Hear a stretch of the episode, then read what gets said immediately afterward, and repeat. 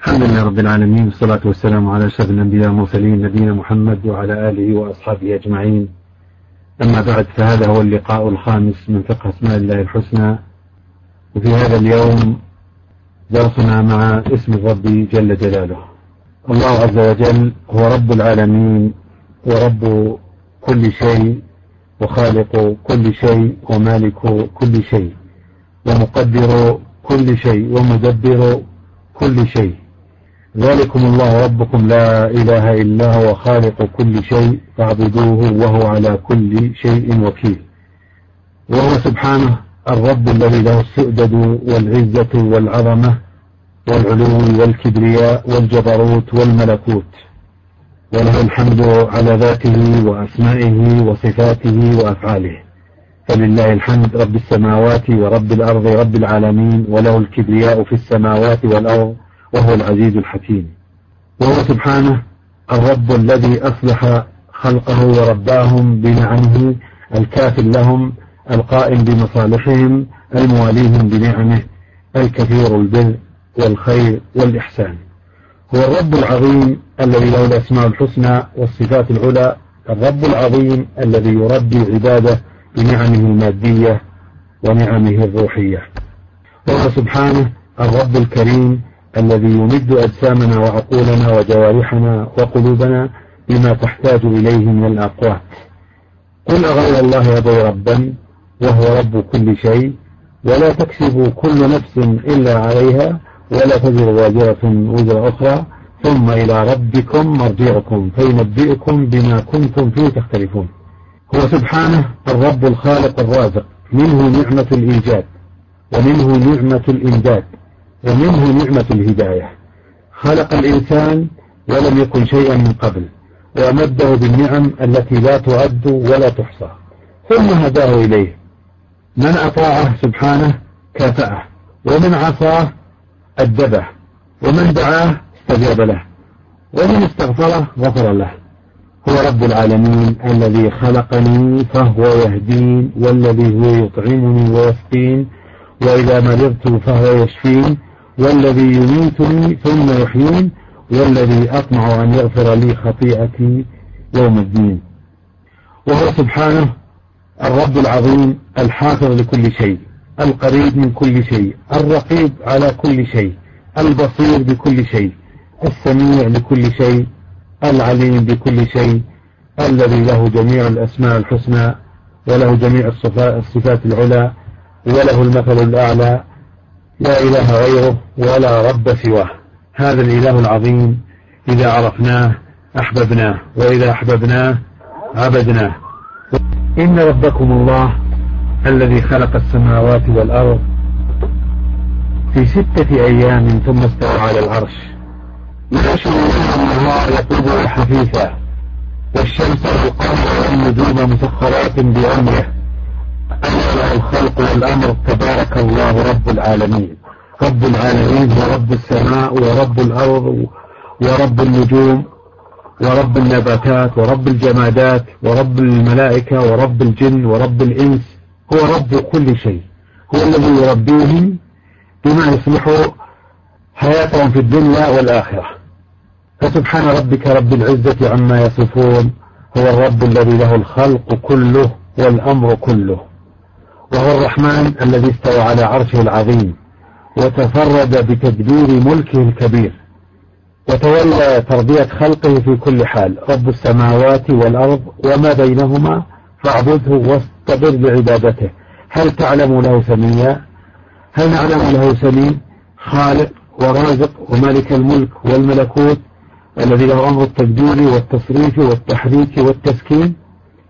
هو الرب الحي القيوم. الذي لا تأخذه سنة ولا نوم. والملك كله له. هو القائم على كل نفس وعلى كل ذرة يعلم مكانها ويعلم لونها. هو القائم على كل نفس الذي قام به كل شيء وإليه المرجع والمعاد في كل شيء. الخلق كله له والرزق كله منه والتدبير كله بيده ومصير الأمور كلها إليه. أراد أن يعرف فخلق السماوات والأرض. أراد أن يعرف بأسمائه وصفاته ويعرف وتعرف قدرته ويعرف سعة علمه فخلق هذا الكون العظيم لنعرف الخالق ونتصل به وما جاء به رسول الله صلى الله عليه وسلم. الله الذي خلق سبع سماوات ومن الأرض مثلهن يتنزل الأمر بينهن لتعلموا أن الله على كل شيء قدير وأن الله قد أحاط بكل شيء علما. فالخلق كله له والرزق كله منه والتدبير كله بيده ومصير الأمور كلها إليه. ومراسيم التدبير في العالم العلوي والسفلي كلها بيده وكلها نازلة من عنده. تنفذها وتقسمها ملائكته بأمره بالعطاء والمنع وتارة بالبسط والقبض والرفع والخفض وتارة بالتحريك والتسكين والإحياء والإماتة. هو مالك الملك رب عظيم يدبر هذا الملك العظيم جل جلاله. قل اللهم مالك الملك تؤتي الملك من تشاء وتنزع الملك ممن تشاء وتعز من تشاء وتذل من تشاء. بيدك الخير إنك على كل شيء قدير. تولد الليل في النهار هذا فعل الرب جل جلاله. تولد الليل في النهار وتولد النهار في الليل وتخرج الحي من الميت وتخرج الميت من الحي وترزق من تشاء بغير حساب. هذه القلوب آنية من أوان الله غذاؤها بذكر أسماء الله وصفاته وأفعاله وذكر خزائنه وذكر وعده ووعيده. هذه مغذيات القلوب. سبعة. إذا تغذت القلوب بهذه المغذيات زاد إيمانها بالله وزاد حبها له وزاد حمدها له وزادت عبادته عبادته جل جلاله سواء كانت عبادات قلبية أو عبادات بدنية. فهذه هذا البدن الذي خلقه الله لابد له من محرك. هذا المحرك هو القلب. هذا القلب غذاؤه بسبعة أشياء معرفة الله معرفة أسمائه معرفة صفاته ومعرفة أفعاله ومعرفة خزائنه ومعرفة وعده ومعرفة وعيده. إذا امتلأ القلب بالإيمان جاء فيه ثلاث صفات حب الله وتعظيمه والذل له. وتحركت الجوارح بالطاعة وتحرك اللسان بالذكر والتسبيح والتحميد. وفعل ما يحبه الله ويرضاه. وامتلأت الأوقات بكل طاعة. وأصبح الإنسان يعني مصبوغا بصبغة الله. في كل حركة وفي كل سكون هو يمتثل أمر الله في كل حال. هذا هذا الإنسان الله خلقه وحمله الأمانة. الأمانة أن يمتثل أوامره ويجتنب نواهيه وأن يعرفه بأسمائه وصفاته ويأتي إليه اختيارا بعد أن جاءت إليه جميع المخلوقات إجبارا. جميع المخلوقات في العالم العلوي والعالم السفلي كلها مسخرة بأمر الله عز وجل. إلا العقلاء من الإنس والجن. هؤلاء إما أن يأتوا إلى الله اختيارا إما أن ينصرفوا عنه ويعرضوا عن دينه. فبالتذكير يأتي هذا التوجه. بالتذكير بالله تعرف النفوس ربها وتقبل عليه. إذا عرفت أنه الملك تتصل بالملك. إذا عرفت أنه الكبير اتصلت بالكبير. إذا عرفت أنه القوي اتصلت بالقوي. إذا عرفت أنه الغني اتصلت بالغني. فلا بد من معرفة الله بأسمائه وصفاته حتى تقبل القلوب على ربها. تعلم أنه لا إله إلا الله واستغفر لذنبك وللمؤمنين والمؤمنات والله يعلم متقلبكم ومثواكم. هذه القلوب غذاؤها الإيمان.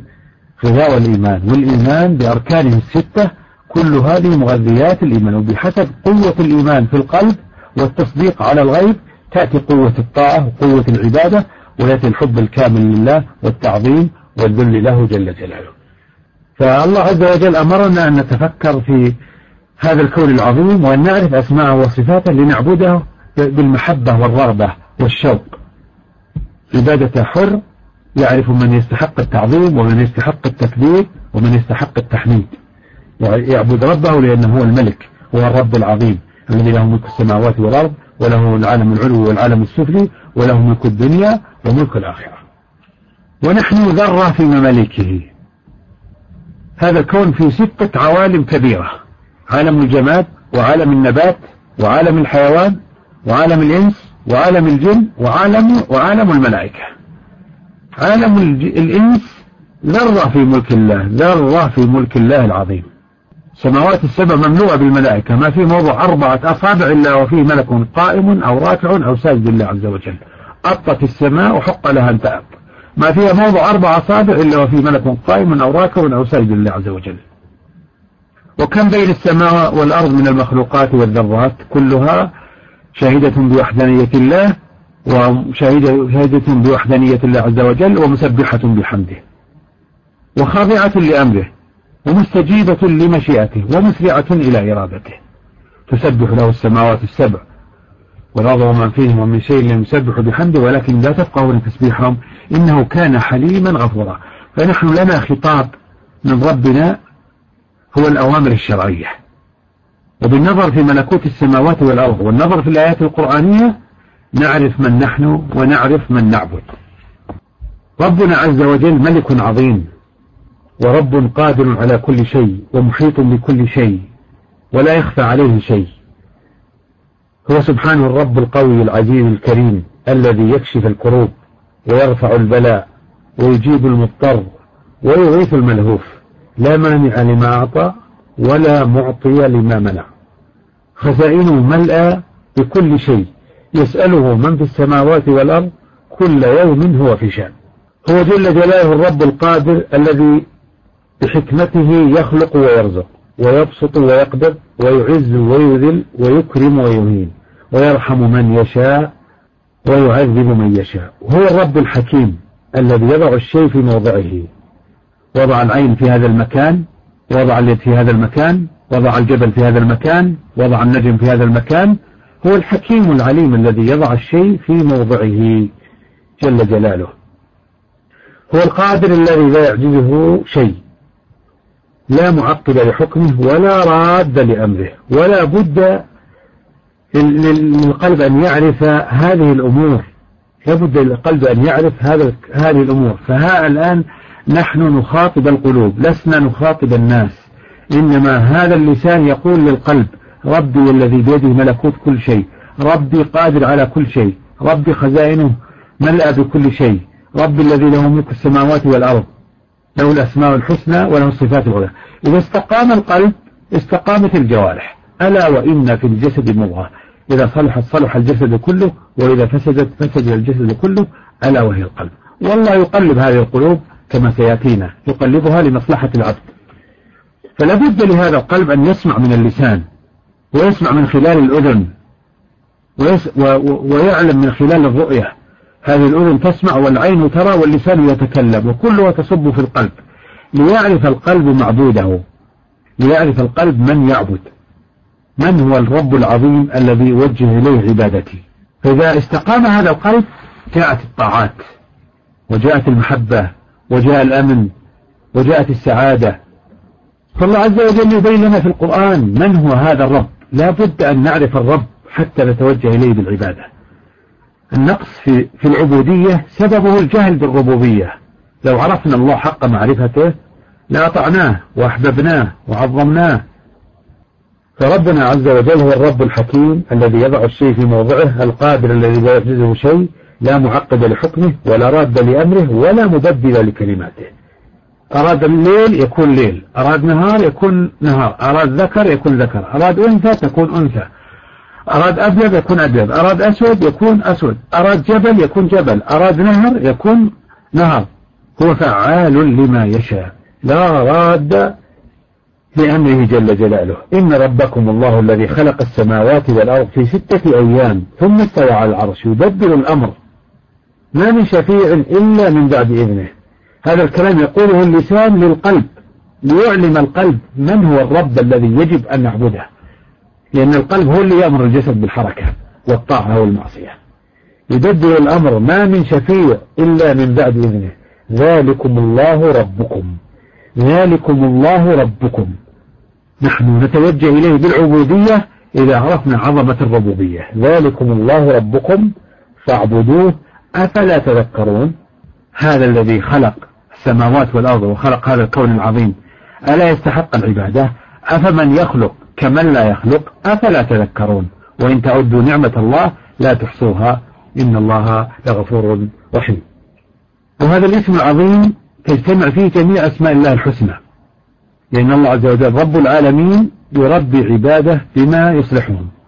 هو رب الكون ورب العرش العظيم ورب السماوات ورب الأرض جل جلاله. هو الرب الملك الحق لا إله غيره.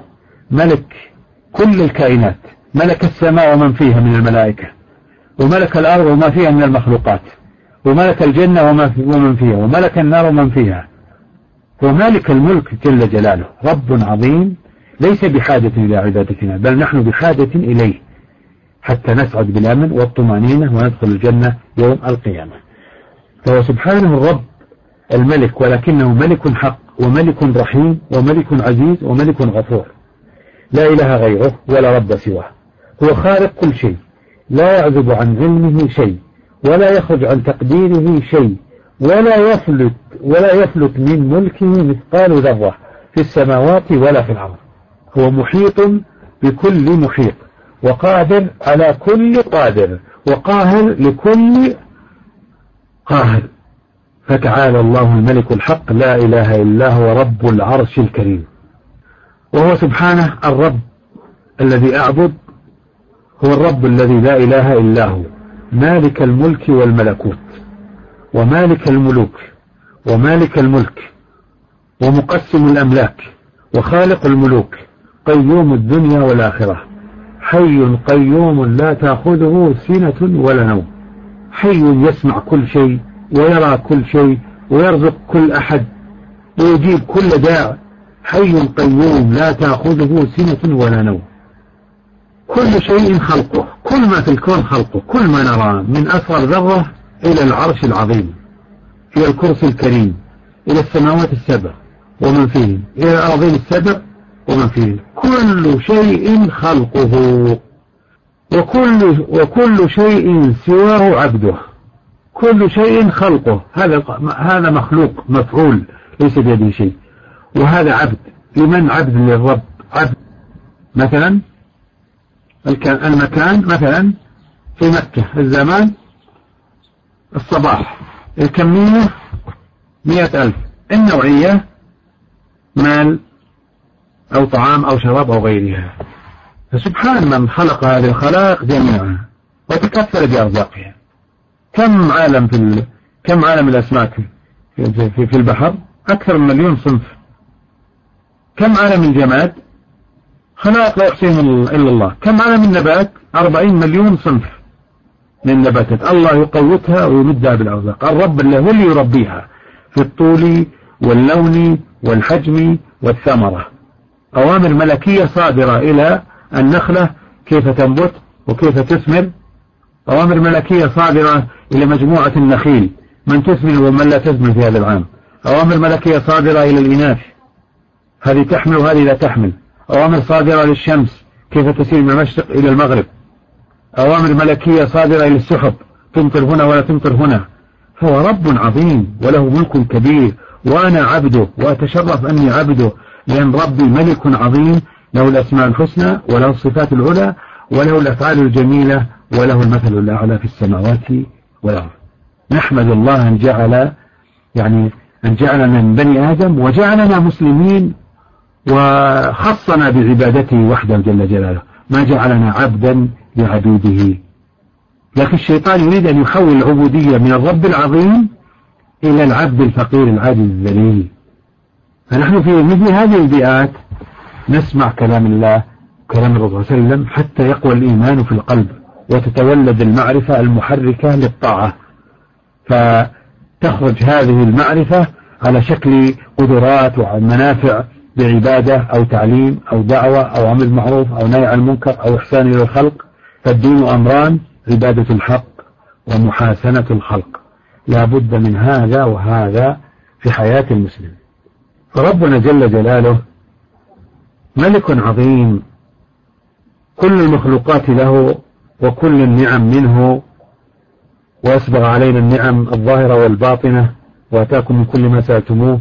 وإن تعدوا نعمة الله لا تحصوها إن الإنسان لظلوم كفار كل المخلوقات له وكل النعم منه وكل خير من لدنه وكل الخزائن عنده. هذا هو الرب حقا والإله حقا المحسن إلى خلقه بجميع النعم الكريم حقا جل جلاله. قوله الحق وفعله الحكمة وتدبيره العدل وعطاؤه الفضل وجزاؤه القسط جل جلاله. هو الرب المحسن إلى جميع خلقه الذي لا تبلغ الأوهام تعداد نعمه ولا تطمع العقول في إحصاء خلقه وفضله وإحسانه. أفمن يخلق كمن لا يخلق؟ أفلا تذكرون؟ وإن تعدوا نعمة الله لا تحصوها. إن الله لغفور رحيم. ننظر إلى هذه السماء العظيمة من يمسكها؟ وننظر إلى هذه النجوم الزاهرة من الذي خلقها وفرقها؟ ومن الذي يدبرها بحيث لا يصطدم نجم مع نجم؟ وننظر إلى هذه الشمس العظيمة التي صب الله فيها من نوره. هذه الشمس العظيمة الإنارة والحرارة. يقول العلماء جوف جوف الشمس درجة الحرارة فيه عشرين مليون درجة. ولهيبها يرتفع فوق نصف مليون. ميل. ودرجة الحرارة خارج الشمس ستة ألاف درجة. هذه الشمس لو ارتفعت قليلا لتجمدنا ولو نزلت قليلا لاحترقنا. من الذي ضبط مسيرها؟ من رب المشرق والمغرب؟ من رب المشارق والمغارب؟ لها في كل يوم مشرق ومغرب. 360 مشرق و360 مغرب. تأتي من المشرق إلى المغرب. هي مخلوقة. والله عز وجل حتى لا نتعلق بها أمرنا بالنظر إليها وعدم التعلق بها ولهذا تصاب بالكسوف فتكسف. فلما رأى الشمس بازغة قال هذا ربي. فرأى لما رأى أنها يعني تزول وأنها تكسف تركها. فالنظر والتدبر هو المولد للعبادة. النظر في الكون العظيم أعظم مولد للإيمان. وكذا النظر في القرآن. هذا هذا الله أعطانا السمع والبصر حتى ننظر بأحسن شيء. ونرى أحسن شيء ونتكلم بأحسن شيء ونعمل بأحسن شيء. لأن أصلا الإنسان خلق الله في أحسن خلق الله الإنسان في أحسن تقويم. ويريد أحسن شيء دنيا وأخرى. في الدنيا أعطاه الدين أحسن شيء وأعطاه الدعوة أحسن شيء وأعطاه من الأخلاق أحسن شيء ومن الأسماء أحسن شيء. يوم القيامة يريد يريد أن يكون في أحسن شيء للذين أحسنوا الحسنى وزيادة. ولا يرهق وجوههم قتر ولا لله فسبحان ربنا العظيم الذي له ملك السماوات والأرض المحسن إلى جميع خلقه برهم وفاجرهم. الذي لا تبلغ الأوهام تعداد نعمه ولا تطمع العقول في إحصاء خلقه وفضله وإحسانه. كم خلق الله؟ كم خلق الله؟ بالمليارات في كل ثانية. اللباب بس. لباب ولبابة منتجهما إنتاجهما في البيضة الواحدة مئتين ألف مخلوق. والله خلق كل شيء لحكمة. كم ذرات في العالم؟ كم قطرات المياه في العالم؟ كم ثمرة في العالم؟ كم إنسان في العالم؟ كم طير في العالم؟ كم سمكة في العالم؟ من خلق هذه الخلائق؟ ومن يسوق أرزاقها؟ ومن يربيها؟ ومن يسمع أصواتها؟ ومن يجيب دعاءها؟ يسأله من في السماوات والأرض؟ كل يوم هو في شأن جل جلاله.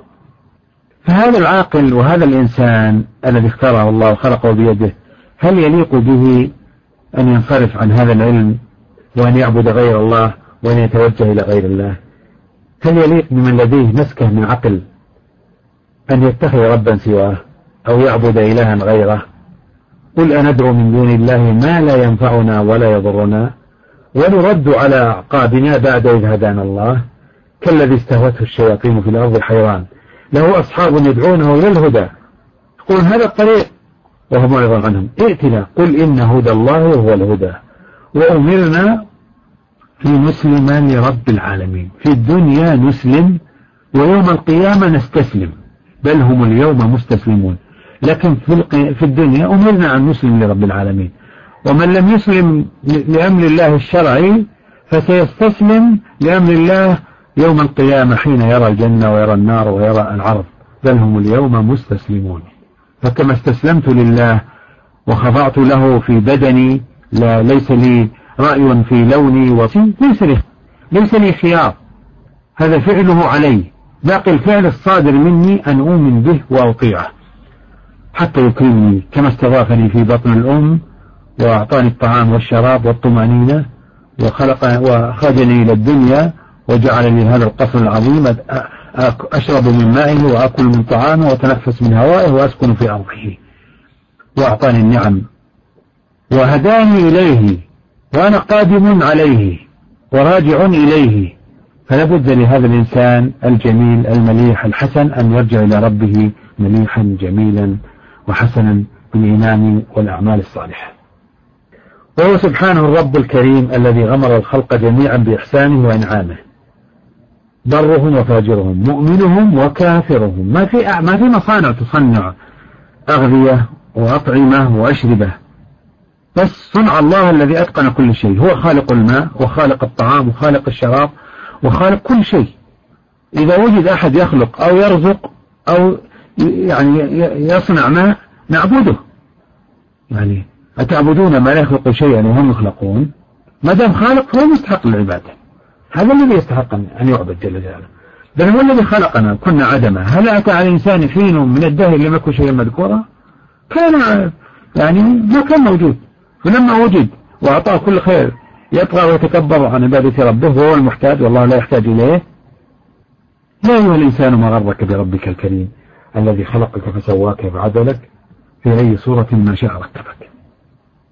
وما بكم من نعمة فمن الله ثم إذا مسكم الضر فإليه تجعرون هو سبحانه الملك العزيز الجبار ذو الجلال والإكرام الذي كل جلال وجمال في العالم فمن أنوار ذاته وآثار صفاته. كل جلال كل جلال في الجبال وفي الشمس وفي البحر وفي الجو وفي الأرض وفي السماء كل جلال من جلاله وكل جمال في عالم النبات وفي عالم الجمال وفي عالم الحيوان وفي عالم الملائكة فمن أنوار ذاته وآثار صفاته. هو ذو الجلال الذي جل قدره وعظم في قلوب العارفين به. هو جل جلاله. خلق الأرض. خلق سبع أراضين. كل أرض في داخل أرض وخلق وأحاط بالسماوات السبع. وكل سماء محيطة بالسماء. حتى السماء السابعة محيطة بجميع السماوات والأرض. ثم الكرسي محيط بجميع السماوات والأرض. ثم العرش محيط بجميع السماوات والأرض. وما السماوات السبع والأرضين السبع؟ بالنسبة للكرسي إلا كحلق ملقاة في أرض فلات. والله فوق العرش لا يحتاج إلى العرش بل العرش محتاج إلى الله ليبقى. فكل ما سوى الله محتاج إلى الله والله غني عن كل من سواه. ونحن الذين شرفنا وكرمنا كيف نعرض عن ربنا وكيف نغفل عنه ونشتغل بالشهوات والزينات ونغفل عن زينة القلوب وزينة الجوارح وزينة الأخلاق؟ هذا من جهد الشيطان على الإنسان. جهد الأنبياء على الإنسان. وجهد أعداء الأنبياء خارج الإنسان. يعملون له الزينات من مأكولات ومشروبات وملبوسات ومنكوحات ومركوبات حتى يصرف بصره إليها ويتعلق بالمخلوق دون الخالق. وجهد الأنبياء على الإنسان على قلبه ليتعلق بالله وعلى جوارحه ليتزين بالأعمال الصالحة والأخلاق الحسنة. هو ذو الجلال الذي جل قدره وعظم في قلوب العارفين به الذي عظم قدره جل جلاله وتنزه عما لا يليق به. هذا العرش العظيم وما فيه من المخلوقات لا يساوي ذرة لا يمكن بل لا يجوز لنا أن ننسب المخلوق إلى الخالق. ولكن هذه الخلائق كلها كلها ذرة يعني ننظر إلى هذه الشمس وهذا القمر في الفضاء. من خلق الفضاء؟ ومن وضع فيه هذا القرص الذي كالخبز نراه؟ ويعني هذه الشمس التي تكبر الأرض بالملايين. هذا العرش العظيم اللي أوسع المخلوقات وأعظمها وأكبرها وأكملها وأحسنها مخلوق ليس بيده شيء. كل ما سوى الله ليس بيده شيء. الأمر كله لله. أمر الخلق وأمر الرزق وأمر التدبير وأمر التصريف وأمر التحريك وأوامر الشفاء وأوامر العطاء وأوامر المنع كلها بيده. الله لا إله إلا هو وعلى الله فليتوكل المؤمنون. ليس بيد الخلق شيء. هذه المخلوقات تدل على عظمة الله لكن ليس بيدها شيء.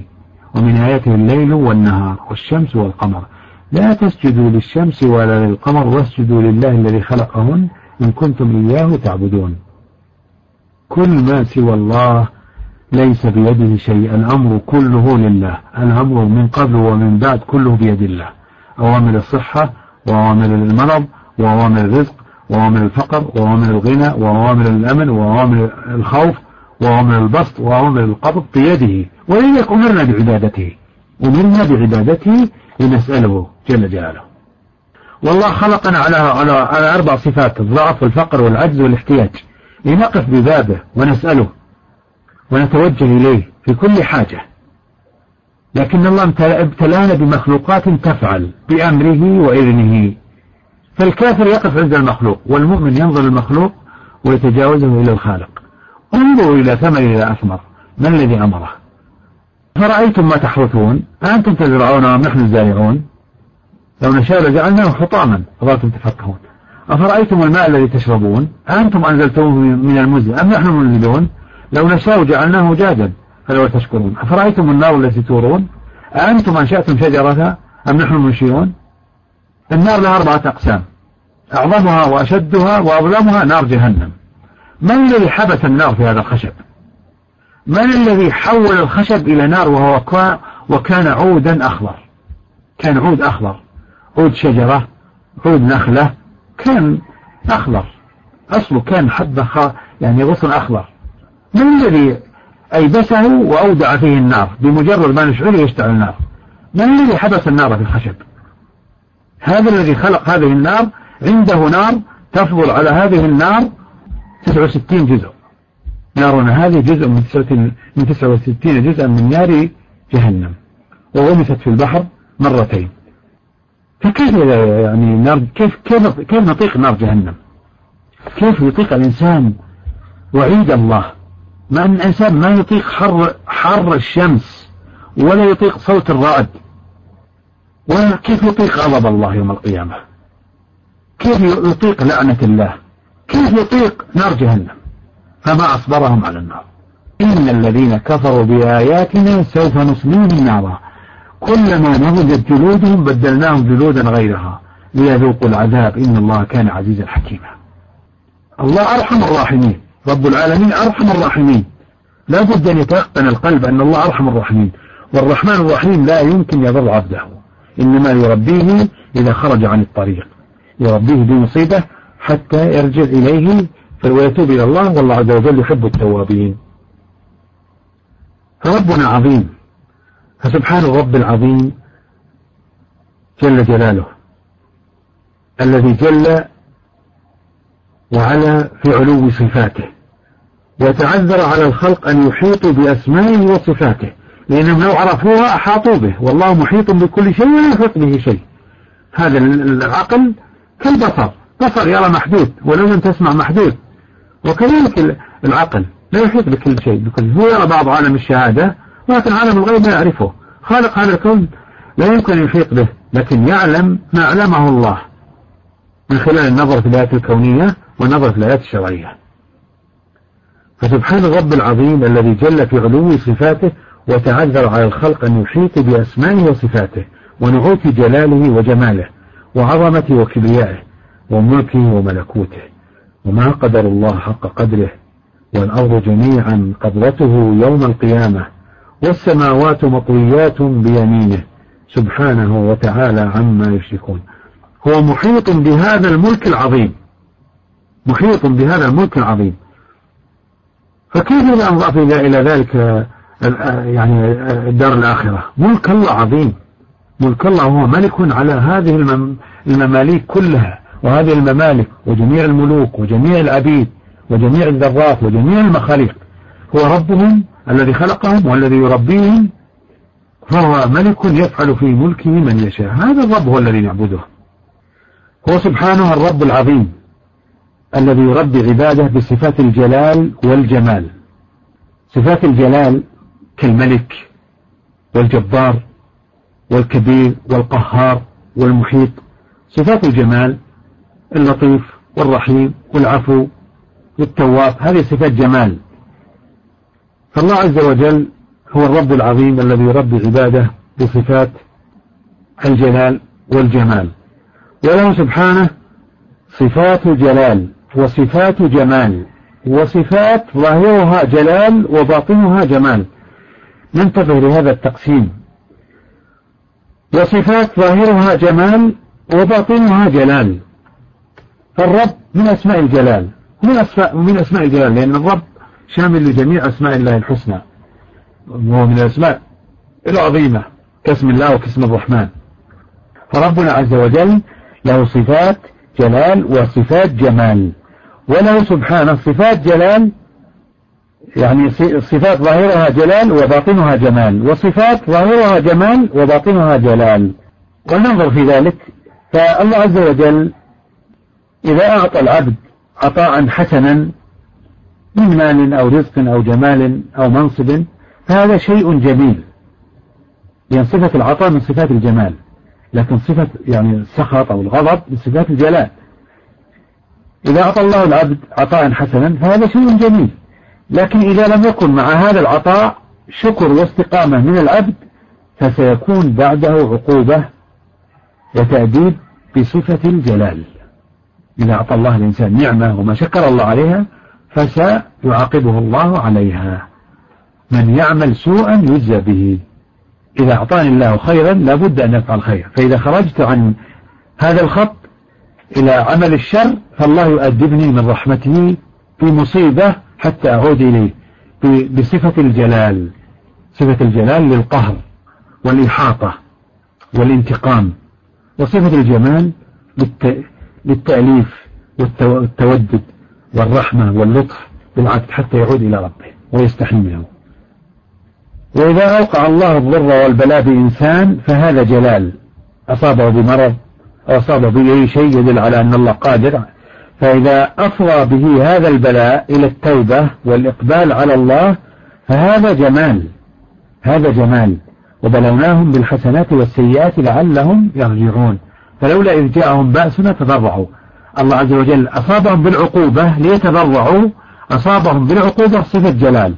ليتضرعوا إليه ويتوبوا إليه فيتوب عليهم وهذه صفة جمال. فهذه صفات صفات جلال باطنها جمال. صفة جلال أن يعاقبني الإنسان وباطنها جمال. الله يريد مني بهذه الضربة بهذه بهذا الانتقام بهذه العقوبة أن أرجع إليه. فهي في في ظاهرها صفة جلال. ولكن باطنها جمال. لابد أن نعرف هذا التقسيم. الله عز وجل يربي عباده بصفات الجلال والجمال. وله سبحانه صفات جلال كالجبار وصفات جمال كالكريم. وصفات ظاهرها جلال وباطنها جمال. كان يأخذ الإنسان بعقوبة حتى يعود إلى ربه فيتوب, فيتوب إليه ويرده إليه بصفة الجمال. وصفات ظاهرها جمال وباطنها جلال. يعطي الإنسان الله عز وجل يعطي الإنسان نعمة ولكن لم يشكر الله عليها فيكون بعده عقوبة وتأديب بصفة الجلال. فهذا هو الرب الذي يربي عباده بما يصلحهم ويسعدهم في الدنيا والآخرة. فسبحان ربنا العظيم ما أعظمه وما أرحمه بخلقه يسوق إليهم النعم ليقبلوا بها عليه ويطيعوه ويحبوه. فإذا انصرفوا عنه أرسل إليهم مصيبة في أبدانهم أو في أموالهم أو في أولادهم تردهم إليه. وإذ تأذن ربكم لئن شكرتم لأزيدنكم ولئن كفرتم إن عذابي لشديد. وهو سبحانه الحكيم الذي منع ليعطي أصلا ما منع إلا ليعطي لأنه العطاء إليه من المنع. فهو منع حتى نتضرع إليه ونتوب من المعصية ونستحي منه. منع ليعطي. دائما ننتظر. يكون عندنا هذا الاعتقاد العظيم أن الله ما منع شيء إلا ليعطيه ولكن لا يعطي إلا للمصلحة وهو يعلم المصلحة أعظم مما أعرف أنا. فهو منع ليعطي وقبض ليبسط وخفض ليرفع وجعل هذه الدنيا دار دار استواء جعلها دار التواء مرة حر مرة برد مرة غنى مرة فقر مرة مريض مرة متعافي مرة خائف مرة آمن. هي دار التواء لا دار استواء. لماذا؟ حتى لا نسكن إليها ولا نطمئن بها. نحن دارنا هذه دار العمل ومطلوب في دار العمل العمل وعدم الركون إلى أي مخلوق. بل نفر إلى الله ونفعل ما يحب الله ونكمل ما يحب الله. فهي دار التواء وتقليد. لكن دار القرار في الجنة أو النار. وجعل سبحانه بلاء الدنيا سبب لعطاء الآخرة. كل ابتلاءات الدنيا فيها أجور عظيمة. أين نجدها؟ في الآخرة. جميع هذه الابتلاءات. أيوب ابتلي بالمرض سبعة عشر عاما. ليس المقصود أن يمرض ولكن القصد أن يربى الداعي. يحبس عن الدعوة وعن العبادة. حتى يصبر. وإذا صبر الله يرضى عنه.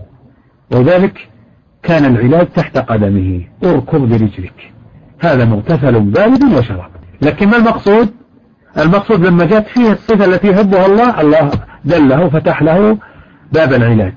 لم يذهب إلى مستشفى ولم يذهب إلى فلان ولا إلى فلان. وهو داعي إلى الله. الله حبسه حتى يتربى. إنا وجدناه صابرا نعم العبد إنه أي إنه أواب. وأيوب إذ نادى ربه أني مسني الضر وأنت أرحم الراحمين. فاستجب فاستجبنا له وكشفنا ما به من ضر وأتيناه أهله ومثلهم معه معه رحمة منا وذكرى لأولي الألباب.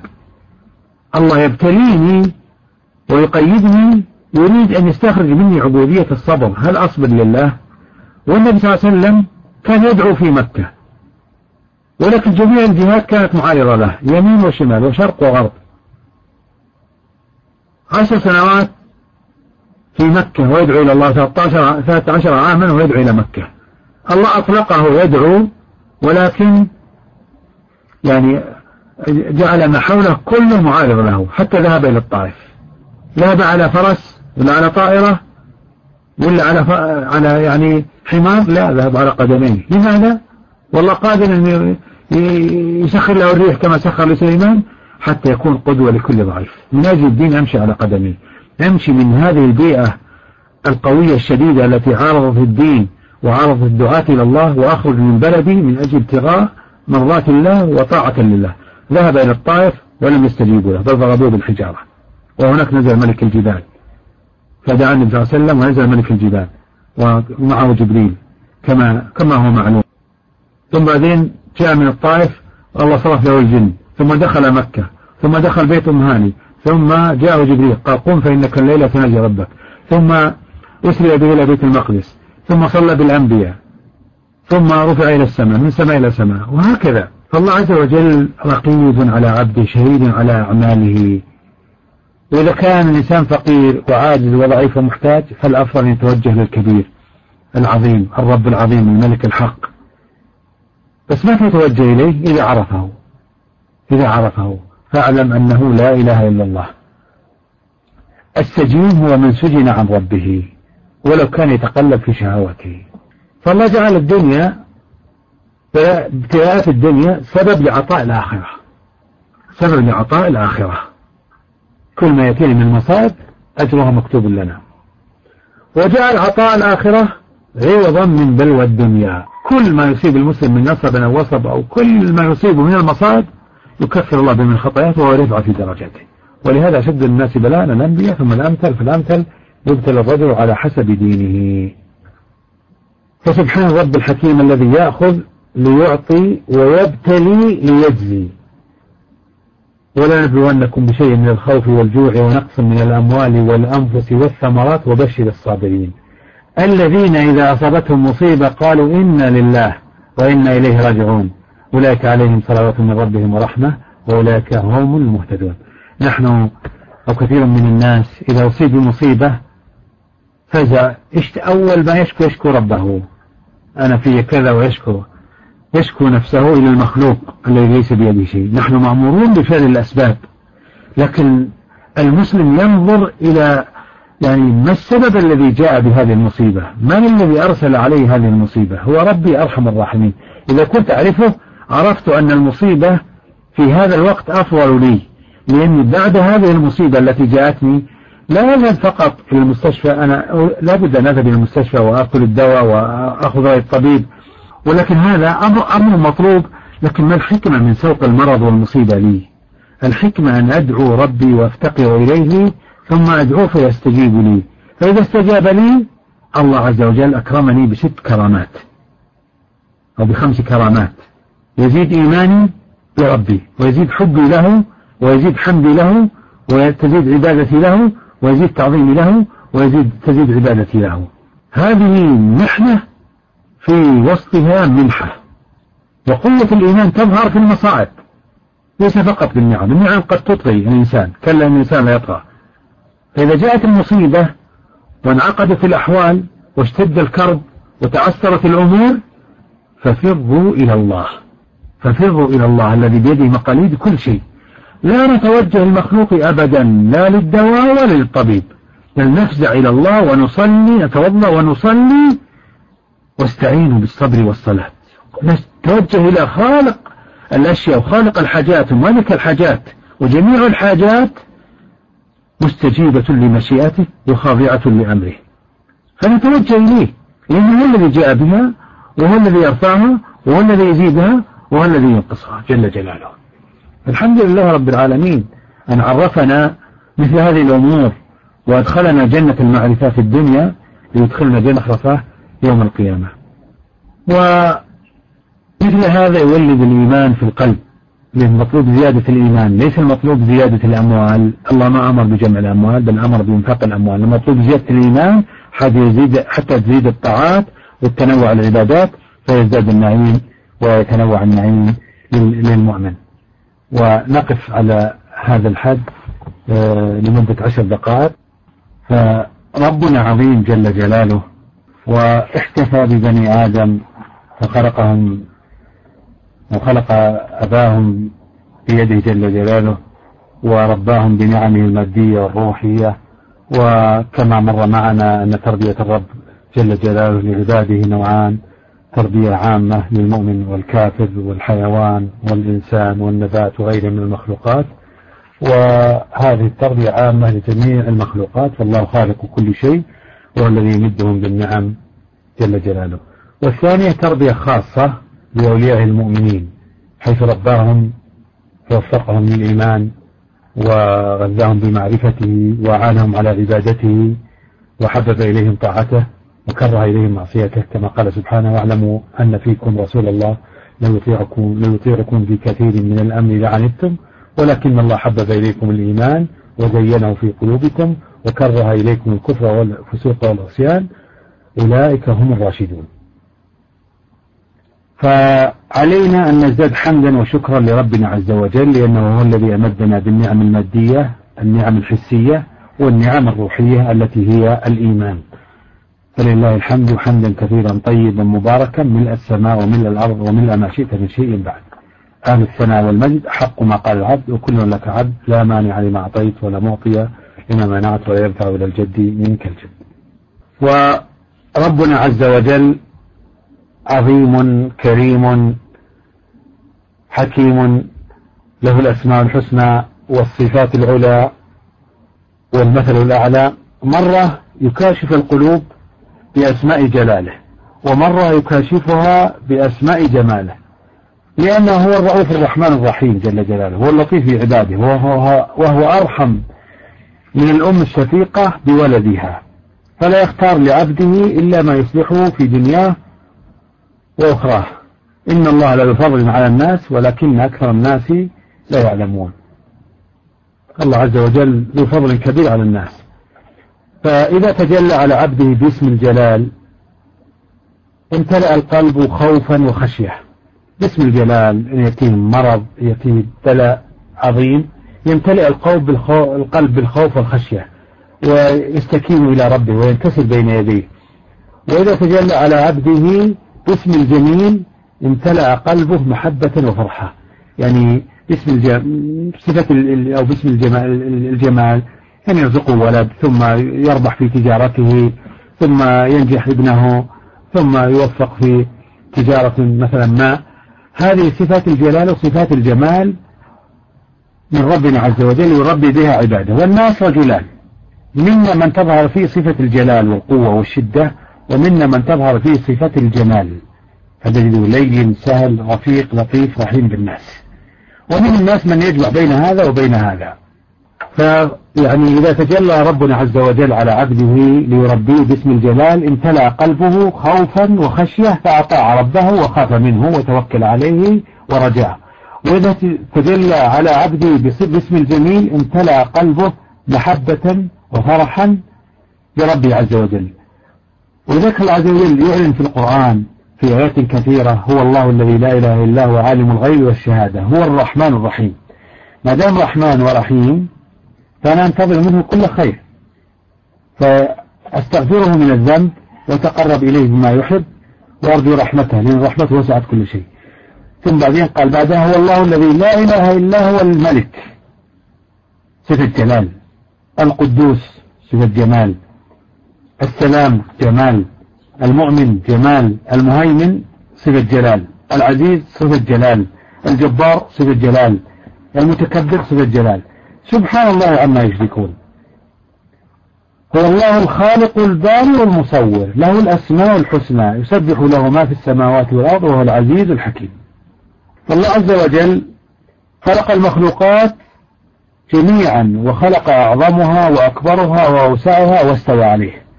وخلق الإنسان وخلق فيه القلب وجعله محل نظره. إن الله لا ينظر إلى صوركم ولا إلى أموالكم ولكن ينظر إلى قلوبكم وأعمالكم.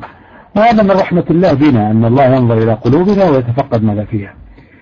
فسبحان من يقلب هذا القلب البشري بين بين السرور والطمأنينة وبين الخوف والخشية. وذلك كله لمصلحة العبد. إن الله بالناس لرؤوف رحيم. وكل إنسان قريب من الله يدرك أنه بعد كل افتقار عطى من ربه. بعد كل ما نفتقر إلى ربنا ونسأله وننكسر بين يديه ونسأله نجد العطاء الله يعطينا. وبعد كل كبر من الإنسان تأديب من ربه. بعد من إذا استكبر الإنسان وأعرض عن ربه وعصاه يأتي له تأديب من ربه رحمة منه جل جلاله بعبده. فالمفتقر إلى الله المفتقر إلى الله ينعم باسم الجميل لأن الجميل يكرمني بكل جميل وبكل محبوب.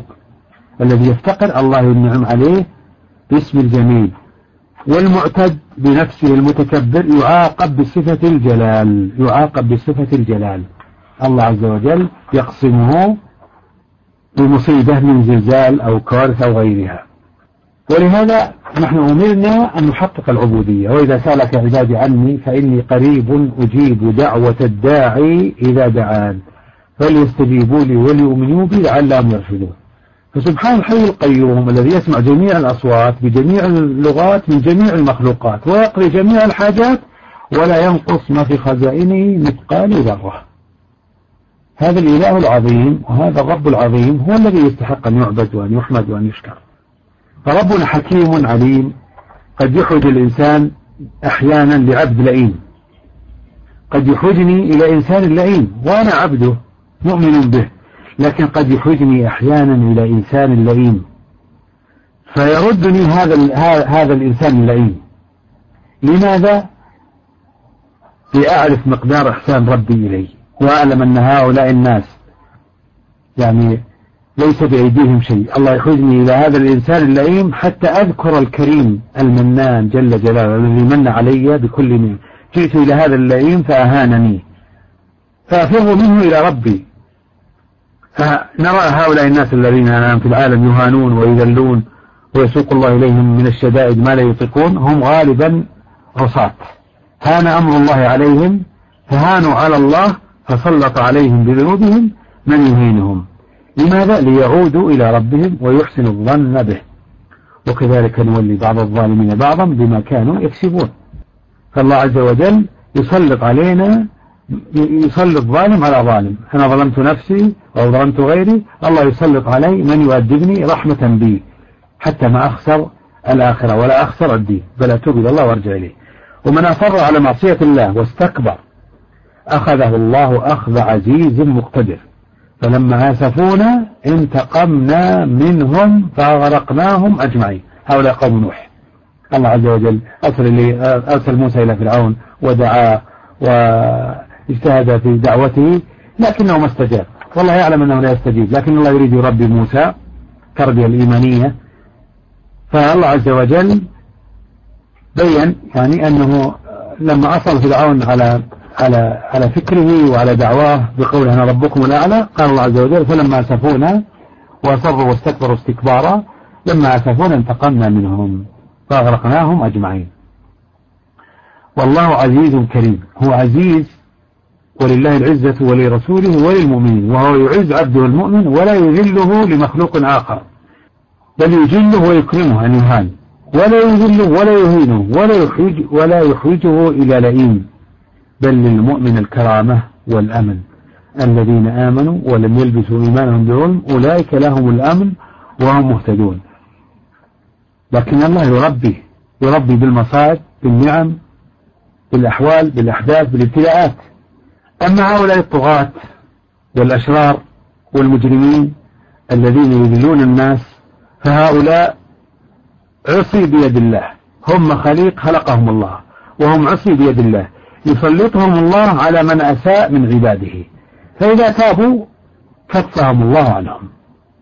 من يعمل سوءا يجزى به ولا يجد له من دون الله وليا ولا نصيرا. هم عصي ينتقم بها الله ممن عصاه. فالله ينتقم بالظالم ثم ينتقم من الظالم. الله ينتقم بالظالم ينتقم بالظالم الكبير من الظالم الصغير.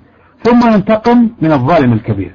إما بالإغراق كما حصل لقوم نوح وإما بالريح وإما بالخسف أو بغيرها من العقوبات.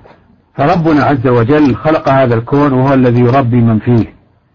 فسبحان الرب الذي بيده مقاليد الأمور الرحيم الذي يربي عباده بما يصلحهم ليسعدوا في دنياهم وأخراهم.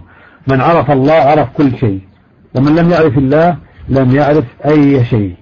الله عز وجل له حكمة سابقة في خلقه وأمره وفي تقديره وتدبيره من أطاعه ظاهرا وباطنا أكرمه. ومن لم يكن له وازع يصده عن معصية الله إذا خلى لم يعبأ الله بشيء من عمله. لماذا؟ لأن الله إنما يتقبل الله من المتقين. ربنا جل جلاله له صفات جلال ومن صفات الجلال القوي والعزيز والقاهر القادر ينتقم من كل ظالم استشرى شره. كما انتقم من أصحاب الفيل كما انتقم من الأمم السابقة. ويعاقب كل مجرم مهما علا وتجبر. وكذلك أخذ ربك إذا أخذ القرى وهي ظالمة. إن أخذه أليم شديد. إذا أخذ أخذ. إما بخسف أو زلزال أو فيضان. وكذلك أخذ ربك إذا أخذ القرى متى؟ وهي ظالمة يعني كافر عاصية. إن أخذه أليم شديد. يأخذ بصفة الجلال. ويكرم بصفة الجمال. هو العزيز الجبار الذي يقسم ظهور الطغاة وينزل العقوبة بالعصاة لعلهم يتوبون إليه. فلولا إذ جاءهم بأسنا تضرعوا ولكن قست قلوبهم وزين لهم الشيطان ما كانوا يعملون. فالفقه في أسماء الله وصفاته من أعظم النعم. من وفقه الله لهذا فهم الدين وتقرب إلى ربه بكل عبادة وأدى هذه العبادة بكمال الأدب كمال التعظيم لله وكمال الذل له وكمال الحب له. وربنا عز وجل أراد منا أن نعرف هذه الأسماء. ولله الأسماء الحسنى فادعوه بها. وذروا الذين يلحدون في الأسماء سيجزون ما كانوا يعملون. لابد أولا أن نعرف الأسماء ثم أفهمها أولا أحفظها ثم أفهمها ثم أتخلق بها ثم أعبد الله بموجبها. كما سيأتينا إن شاء الله في فقه التعبد بأسماء الله الحسنى في إن شاء الله بعد هذا الدرس. والإنسان إذا عرف عظمة ربه خشي نقمته وخاف عقوبته فأطاعه ولم يعصه. وهذا هو المقصود أن أطيع الملك الحق وأن لا أعصيه. ومن خاف ربه دله الخوف على كل خير. من خاف ربه دله وجره هذا الخوف إلى كل خير. إنما يؤمن بآياتنا الذين إذا ذكروا بها خروا سجدا. الآيات الكونية والآيات الشرعية. وسبحوا بحمد ربهم لكمال عظمته وجلاله. وهم لا يستكبرون عن عبادته لأنهم عرفوا أنه هو الملك. مالك الملك وخالق السماوات والأرض ورب العالمين ورب السماوات ورب العرش العظيم. تتجافى جنوبهم عن المضاجع. يدعون ربهم خوفا من عقابه وطمعا في ثوابه. ومما رزقناهم ينفقون. عندهم علم ينفقون. عندهم حلم ينفقون أخلاق. عندهم مال ينفقون مال. عندهم قوة ينفقون من القوة ويعينون غيرهم. ومما رزقناهم ينفقون. على من ينفقون؟ على عباده لمصلحة أنفسهم. لا لحاجة الله. الله غني عن كل أحد. إذا نسبة الفقراء إلى الله. والله الغني الحميد. إنما هم بهذا الإنفاق ينفعون غيرهم من الخلق ويكسبون الأجر المضاعف عند ربهم جل جلاله. فبقدر المعرفة يكون الإيمان وبقدر الإيمان تكون قوة العبادة وبقدر قوة العبادة تأتي قوة الدعاء وبقدر قوة الدعاء تأتي قوة الاستجابة. إنما يؤمن بآياتنا الذين إذا ذكروا بها خروا سجدا وسبحوا بحمد ربهم وهم لا يستكبرون. تتجافى جنوبهم عن المضاجع يدعون ربهم خوفا وطمعا ومما رزقناهم ينفقون. يدعون ربهم خوفا وطمعا هذه عبادة الحق. ومما رزقناهم ينفقون هذه محسنة الخلق. فلا تعلم نفس ما أخفي لهم من قرة أعين جزاء بما كانوا يعملون. لابد من العمل. عمل انفرادي بالعبادة بيني وبين ربي وعمل اجتماعي بيني وبين خلقه. كافر ندعوه أو جاهل نعلمه أو فقير أعينه أو مريض مثلا أساعده وهكذا الإنسان تخرج منه المنافع. فالله عز وجل عظيم وكريم ورحمن رحيم عرف عباده بعظمته ليهبوه وعرفهم بنعمه ليشكروه. نبئ عبادي أني أنا الغفور الرحيم وأن عذابي هو العذاب الأليم. وأنا الغفور الرحيم لمن أطاعني ولكن ضعف إيمانه فعصاني فأنا الغفور الرحيم. وأن عذابي إذا عذبت هو العذاب الأليم ليس بعده عذاب. عذاب في الدنيا ولا عذاب الآخرة شق. فربنا هو الملك الحق الحكيم الذي يربي عبده بما يصلحه. وجل جلاله حكيم يربي الخلق بما يصلحهم فينتقم بعقوبة تردع صاحبها عن أن يعصي الله عز وجل. هذه المصائب ليست مقصودة لذاتها. الله لا يريد أن يعذب الخلق. إنما هو يربيهم. المقصود من هذه العقوبات وهذه المصائب أن نعود إلى ربنا. ولا ننظر للعقوبة إنما ننظر لماذا جاءت العقوبة ومن الذي يرفعها. فنتوجه إليه بالاستغفار والتوبة حتى الله يرفعها عنا. فهو سبحانه ينزل العقوبة ويرجع صاحبها عن معصية الله. ويعاقب ليوقف الباغي والمجرم والظالم عند حده ويحفظ من سواه من أذاه. يوم نبطش البطشة الكبرى إنا منتقمون منتقمون. إما تسهر على الفساد وعلى المنكرات تقضي نهارها بالربا والمنكرات وليلها بالخمر والسكر. الله في أقل من نصف ثانية يحرك الأرض. بس مخلوق من جند الله هزل يحرك الأرض. فيموت في ثانية واحدة مئتين ألف خمسمائة ألف.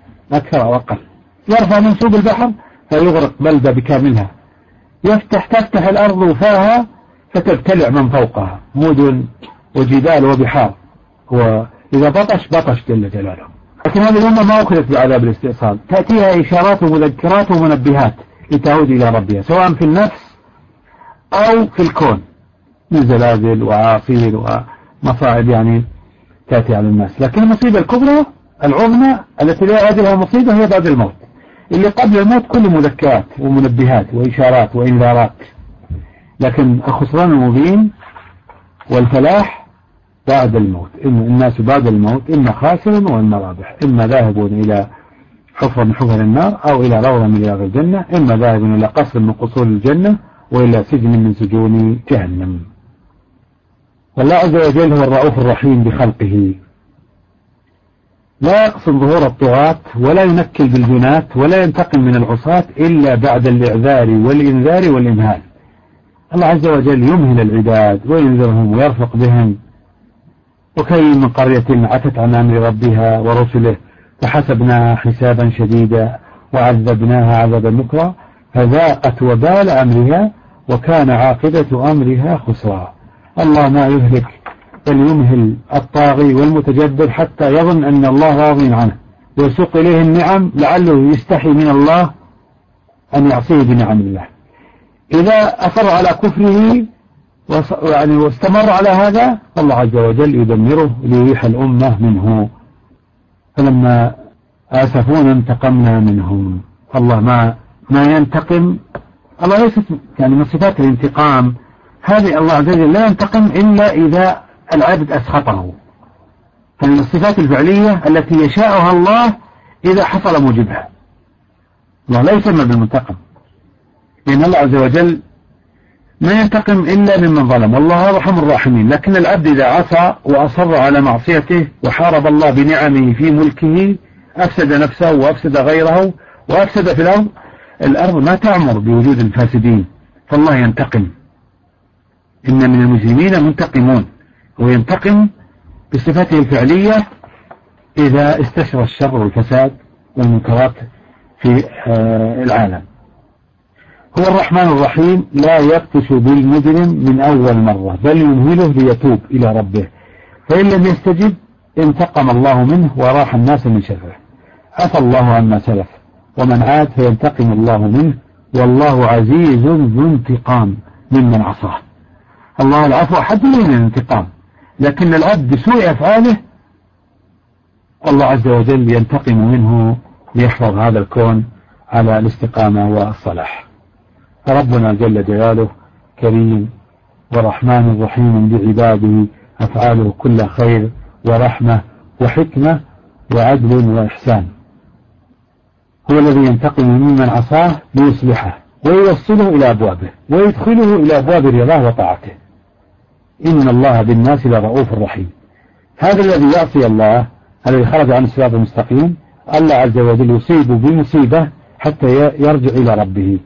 هو في في الظاهر أنه يعني يؤلمه بسبب عقوبته لكن هذا الألم سيعقب سيعقبه شفاء وهو التوبة والرجوع إلى الله.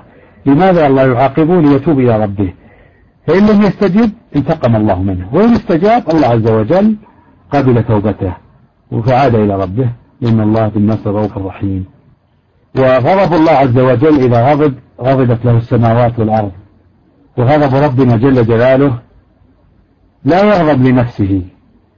لأن كل ما سواه ذرة في ملكه. والله عز وجل لا يعجزه شيء. هو قاهر لكل شيء. ولا يخاف من شيء. بل كل يخاف منه. وكل يرجوه. الله لا يغضب لنفسه. ولا يغضب على خلقه بل يغضب على أعمالهم السيئة التي سوف تشقيهم. فيعاقبهم ليعيدهم إلى الأعمال الحسنة التي ترضيه وتسعدهم. هو الله الذي لا إله إلا هو عالم الغيب والشهادة هو الرحمن الرحيم. الله ما يغضب لنفسه ولا يغضب على الخلق إنما يغضب على الصفات التي يتحلى بها بعض الناس. فالله عز وجل يمهل فإذا لم يرجعوا أخذهم أخذ عزيز مقتدر ليريح الناس من شر هذا الظالم ويبقى الناس في أمن وطمأنينة. هو الرب العظيم والإله الكريم الذي يرسل آه، رسله بالآيات والإنذارات. فمن لم ينتفع بالإنذارات سلط الله عليه العقوبات. كما قال سبحانه فلما آسفونا انتقمنا منهم فأغرقناهم أجمعين. الله أرسل لهم آيات سل عليهم الطوفان والجراد والقمل والضفادع والدم آيات مفصلات لكن استكبروا وكانوا قوم مجرمين. فمن لم يستجب للآيات والإنذارات الله يسلط عليه العقوبات كما حصل لقوم فرعون. وسنة الله جارية في كل زمان ومكان على مستوى الأفراد والجماعات والدول أن من أعرض وطغى وتجبر أمهله الله ليتوب. فإن تاب وأناب وإلا أخذه الله بذنبه. فكلا أخذنا بذنبه. فكلا أخذنا بذنبه. حسب الذنب جاءت العقوبة. فكلا أخذنا بذنبه. فمنهم من أرسلنا عليه حاصبا. من أطاع له الأمن والطمأنينة في الدنيا والسعادة والجنة في الآخرة. لكن من عصى الله يقول عنه سنة جارية. فكلا أخذنا بذنبه. فمنهم من أرسلنا عليه حاصبا. يحسبه. كما حصل لقوم لوط كفار مكة. ومنهم من أخذته الصيحة كما حصل لقوم صالح ثمود صاح فيهم جبريل حتى تفجرت قلوبهم في صدورهم. ومنهم من خسفنا به الأرض كما حصل لقارون خسف الله به وبداره الأرض. ومنهم من أغرقنا كما حصل لقوم نوح وحصل لقوم موسى يعني لقوم قوم فرعون. ومنهم من أغرقنا وما كان الله ليظلمهم ولا كان ليعاقبهم ولكن كانوا أنفسهم يظلمون. الله دلهم على الخير فابعدوا عنه وعملوا بالشر. فالله عز وجل هذا الملك ملكه ولا يريد الباطل أن ينتشر فيه يريد أن تحكم يحكم ملكه بشرعه جل جلاله. فربنا ملك قادر على كل شيء. إذا رحم رحم حيث لا شقى أبدا. وإذا بطش بطش حيث لا نجاة أبدا. إن بطش ربك لشديد. إن صفة الربوبية إن بطش ربك لشديد. إذا بطش بطش. سواء بالماء الذي يغرق أو بالنار التي تحرق أو بالخسف أو بالزلزال أو بالرعب. إن بطش ربك لشديد إنه هو يبدئ ويعيد وهو الغفور الودود. جمال ذو العرش المجيد فعال لما يريد. ولكنه ما يفعل شيء كالإنسان يفعل أفعال فيها سفاهة. ما يفعل إلا على مقتضى الحكمة يضع الشيء في موضعه. فأفعال جل جلاله بصفات الجلال وبصفات الجمال كلها لا تخرج عن صفة الحكمة والعدل والرحمة والإحسان.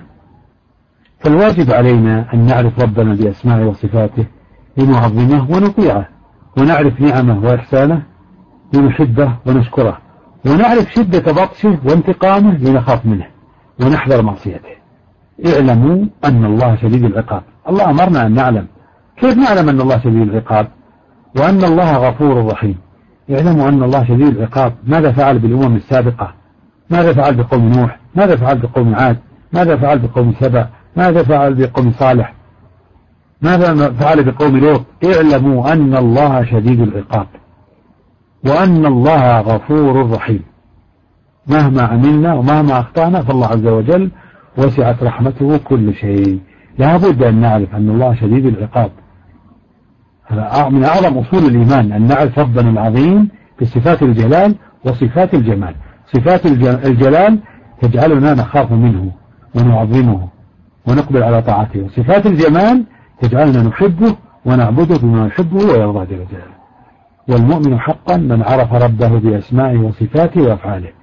فاجتمع في قلبه تعظيم ربه عن طريق الآيات عن طريق الآيات الكونية ومحبة ربه عن طريق النعم. فالله خلق الكون وجعل فيه الآيات الكونية الدالة على عظمته. وجعل فيه وملأه بالأرزاق وهذه آية أخرى. ملأ هذا الكون بالنعم. يعني مثلا الهواء نعمة. نعمة من ربنا عز وجل. كل واحد منا يتنعم بهذه النعمة. في كل يوم يأخذ كل إنسان 360 متر مكعب من الهواء. يأخذه صالحا ويخرجه فاسدا. من ساق إلي هذا الهواء الذي ينتقل معي في البر والبحر والجو وينتقل معي في كل مكان لا يملكه فلان ولا فلان. هذه نعمة عظيمة.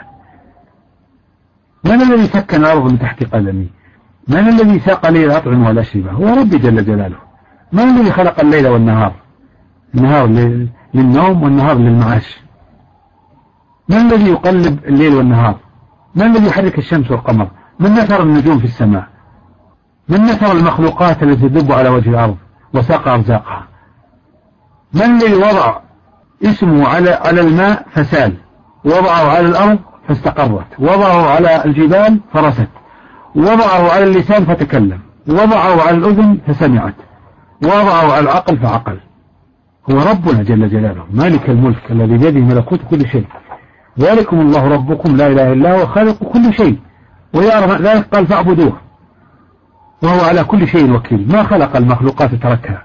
خلق جميع المخلوقات وهو الذي يدبر أمرها. ألا له الخلق والأمر؟ تبارك الله رب العالمين. فالمؤمن حقا من عرف ربه بأسمائه وصفاته وأفعاله. فاجتمع في قلبه تعظيم ربه عن طريق الآيات الكونية والآيات الشرعية.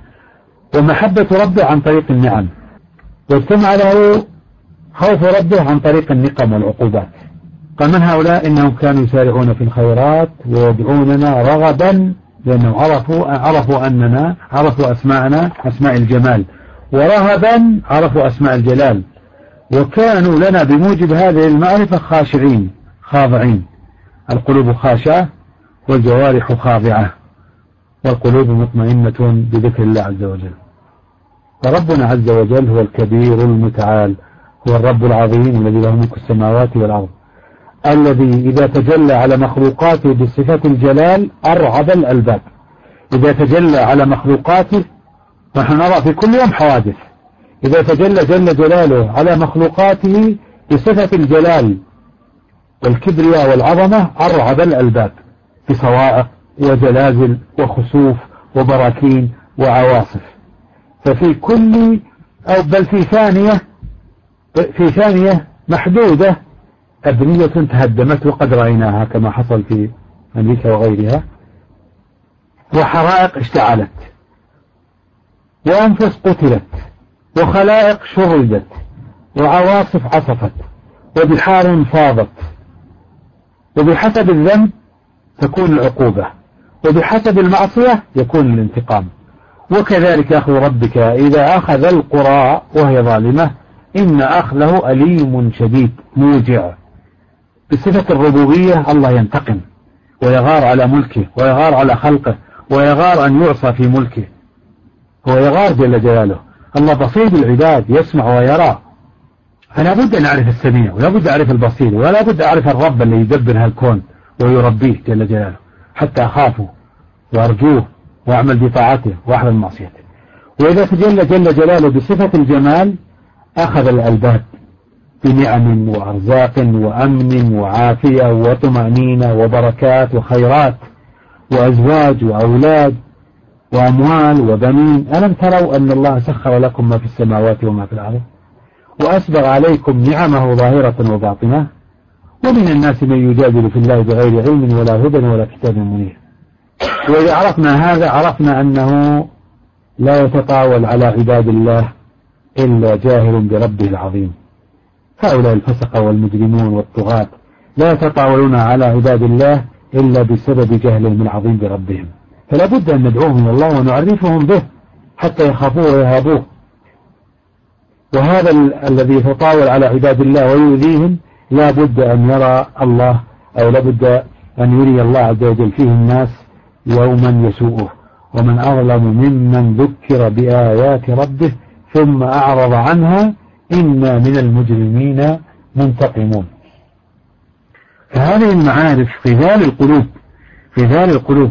والنبي صلى الله عليه وسلم كان في مكة في دار الأرقم يعلم الصحابة هذه الأمور. كان يعلمهم ثلاثة أمور يعلمهم الإيمان والتوحيد والأخلاق. وكانوا الله عز وجل يحثهم على الصبر ففي دار الأرقم ثلاث مسائل. ليس فيها تعليم الصلاة. الصلاة مفروضة في السنة العاشرة. والصوم فرض بعد كم؟ بعد أربعة عشر عاما. والحج بعد عشرين سنة. لكن التوحيد والإيمان من أول يوم.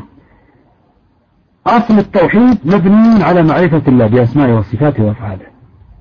هذا هو أساس التوحيد. ثم يأتي التعبد بتوحيد العبودية بحسب هذه المعرفة قوة وضعفا ففي دار الأرقم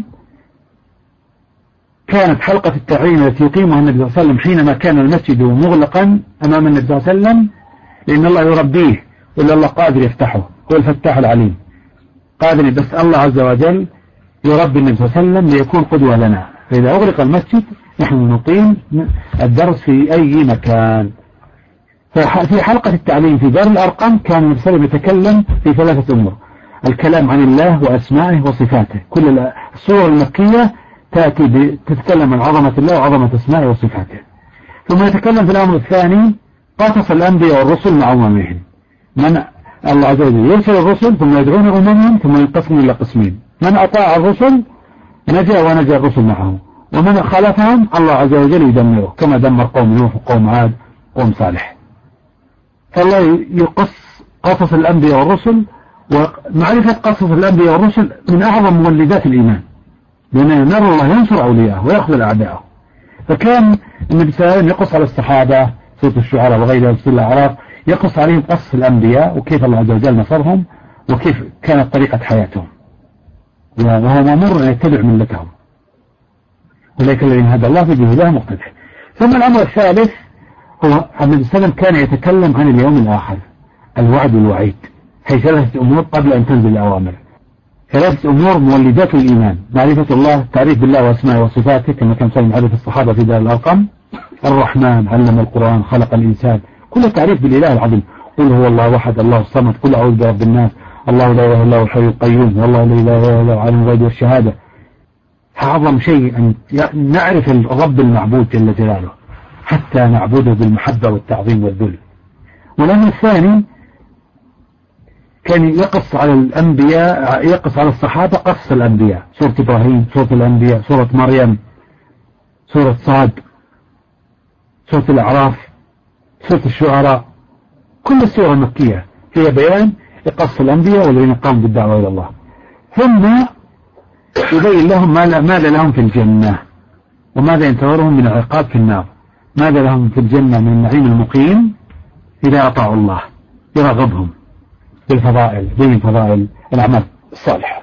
ثم لما تهيأت قلوبهم بمعرفة الله ومعرفة عاقبة المتقين من الأنبياء والرسل وأتباعهم ومعرفة الوعد والوعيد تعطشت قلوبهم للأعمال فجاءت الصلاة في السنة بعد السنة العاشرة.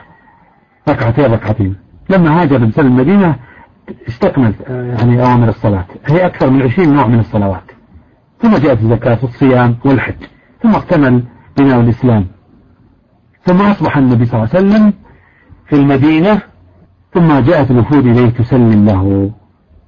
كما نعلم. فلا بد نحن أن حتى نعبد الله بحق لا بد أن نعرفه بحق. لا يعبد الله حقا إلا من عرفه حقا ولا يعرفه حقا إلا من عرف سبعة أمور. يعرف الله ويعرف أسماءه وصفاته وأفعاله وخزائنه ووعده ووعيده. إذا تغذى القلب بهذا الإيمان اشتاق للأعمال. بالمحبة والتواضع لله عز وجل والتعظيم له جل جلاله. هذه المعارف العظيمة هي التي بها النبي صلى الله عليه وسلم وبينها للصحابة. وهذه الأمة تعلمت الدعوة قبل العبادة. لأنه في مكة النبي صلى الله عليه وسلم دعا إلى الله خديجة دعت من أول يوم. أبو بكر دعا من أول يوم. قبل الصلاة. لأن هذه الأمة أعطيت وظيفة الأنبياء والرسل. هذه الأمة نائبة مناب النبي صلى الله عليه وسلم؟ قائمة مقام النبي صلى الله عليه وسلم. إنما بعثتم ميسرين ولتكن منكم أمة. كنتم خير أمة. فيعد الإنسان نفسه في الصف الأول في الدعوة في العبادة في الأخلاق في الأعمال الصالحة. يعد نفسه الله هو الأول ويريد مني أكون الأول في العبادة والدعوة والأخلاق العالية في التوحيد في الإيمان في صلة الرحم في الإحسان إلى الخلق في تعليم الناس. ونقف عند هذا الحد. ونسأل الله عز وجل أن يوفقنا وإياكم من يحبه ويرضاه إنه جواد كريم. سبحان ربك رب العزة عما يصفون وسلام على المرسلين. والحمد لله رب العالمين. سبحانك اللهم وبحمدك نشهد أن لا إله إلا إله إلا أنت. نستغفرك ونتوب إليك. والآن لديه أسئلة أو اقتراحات آه، يكتبها حتى نطلع عليها ويطلع عليها غيرنا. فنحن هذه المائدة لابد أن نتعاون على آه، تجهيزها لأنفسنا وللبشرية.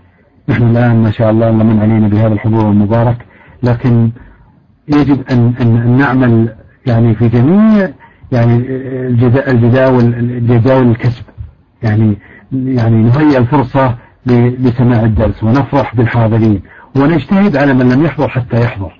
موائد الإيمان تحتاج إلى جهد حتى يأتي الناس إلى إلى إلى موائد الإيمان.